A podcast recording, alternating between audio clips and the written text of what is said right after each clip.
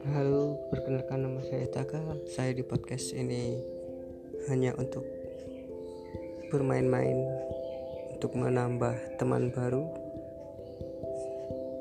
Siapa tahu kalau perempuan kita bisa berjodoh, kalau laki-laki menambah saudara.